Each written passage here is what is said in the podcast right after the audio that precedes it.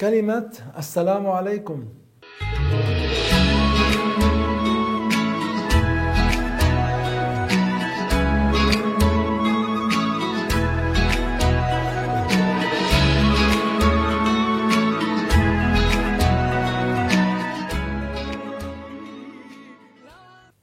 الحمد لله وصلى الله وسلم على رسول الله اما بعد السلام عليكم ما أجمل وأعظم هذه الكلمة اللطيفة.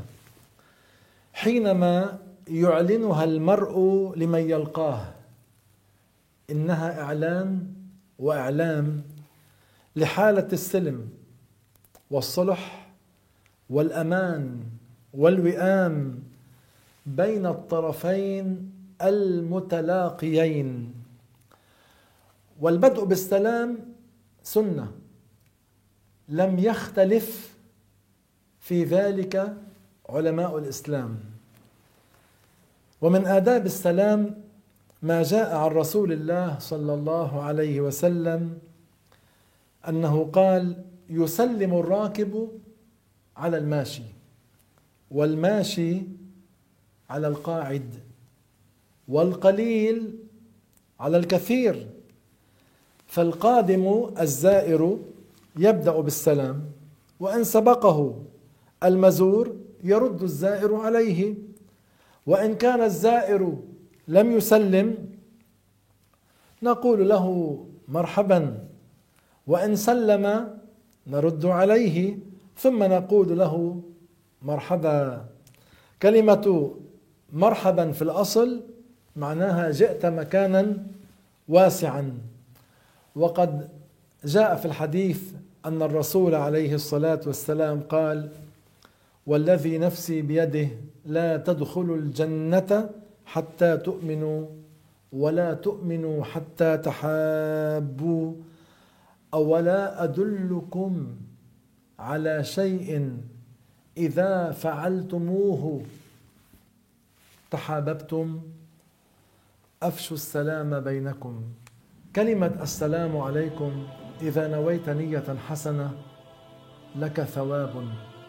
وإذا رددت السلام وقلت وعليكم السلام بنية حسنة أيضا يكون لك ثواب عند الله تبارك وتعالى. وكذلك كلمة مرحبا قالها رسول الله صلى الله عليه وسلم. فقد ورد أنه قال لعمار بن ياسر رضي الله عنه مرحبا بالطيب المطيب. وقال للصحابية أم هانئ مرحبا بأم هانئ. فالحاصل الكلمة الطيبة صدقة. فمن ألقى عليك السلام وقال لك السلام عليكم تقول وعليكم السلام والأحسن أن تزيد وعليكم السلام ورحمة الله تعالى وبركاته هذا يكون الأحسن. والرسول عليه الصلاة والسلام قال الكلمة الطيبة صدقة. معناه الكلام الحسن صدقة.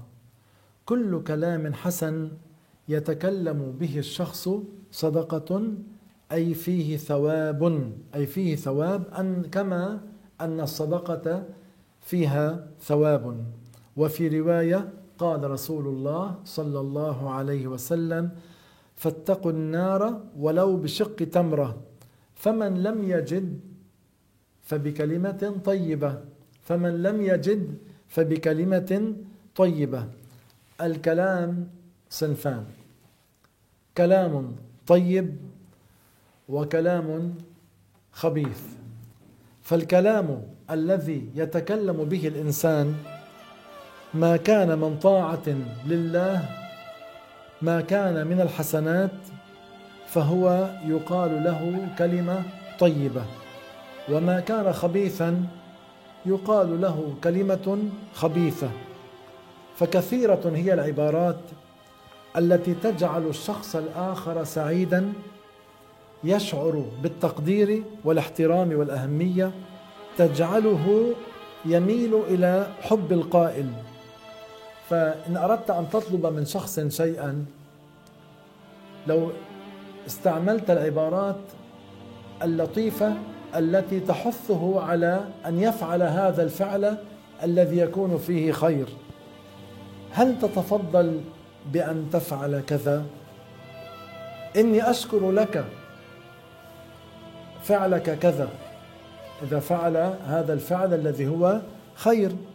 يعجبني فيك أنك تفعل كذا وكذا للفعل الذي عمله وكان فعلا آه، من الحسنات. لو تكرمت أن تفعل كذا وكذا ما تقوم به كخدمة الناس من عمل؟ هذا عمل كذا وكذا مما فيه تشجيع لهذا العمل. فأن يختار الشخص منا العبارات التي تشجع الآخر على عمل الخير وعلى صنيع المعروف مع النية الحسنة مع النية الخالصة لأن عمل الخير لا يضيع عند الله سبحانه وتعالى ولو كان في نظر بعض الناس قليلا.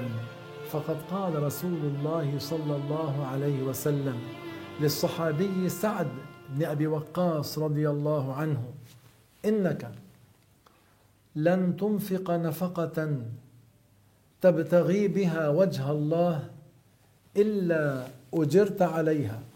حتى اللقمة التي تجعلها في في امرأتك. إنك لن تنفق نفقة. أن أي نفقة تنفقها لوجه الله لك أجر عليها. حتى النفقة التي تنفقها على أهلك على زوجتك. حتى اللقمة إذا أطعمتها بيدك لقمة بنية حسنة لك أجر عند الله.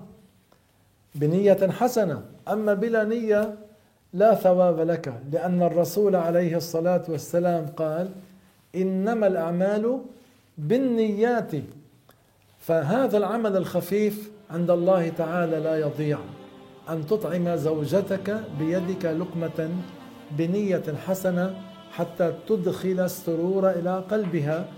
هذا العمل الخفيف عند الله تعالى لا يضيع. لذلك هنيئا لمن تعلم وعرف أبواب الخير فينتفع بعمل الحسنات والطاعات إلى الله تعالى. ونذكر نختم بذكر ما ورد أن بعض الصحابة أتى رسول الله صلى الله عليه وسلم يطلبون من الرسول عليه الصلاة والسلام ما يركبونه من الدواب. فقالوا له احملنا يا رسول الله أي أعطنا مركوبا نركبه.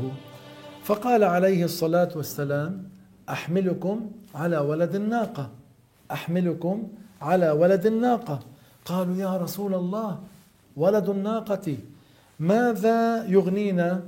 ولد الناقة ماذا يغني ولد الناقة؟ أي ماذا ينفعنا؟ هل يقضي حاجاتنا؟ فقال رسول الله صلى الله عليه وسلم وهل يلد الإبل إلا النوق؟ وهل يلد الإبل إلا النوق؟ معناه البعير الكبير ولد الناقة والبعير الصغير ولد الناقة.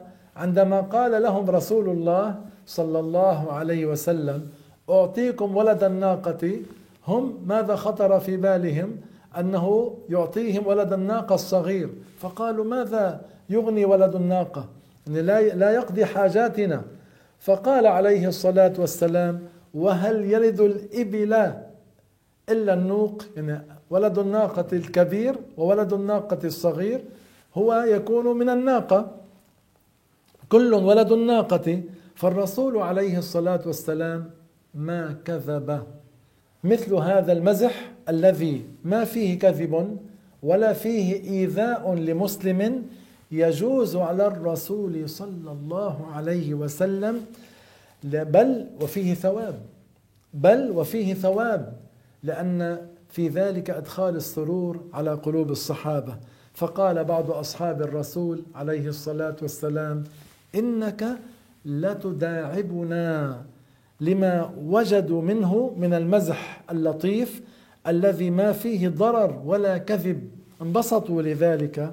فقالوا إنك لتداعبنا. فقال النبي عليه الصلاة والسلام نعم ولا أقول إلا حقا.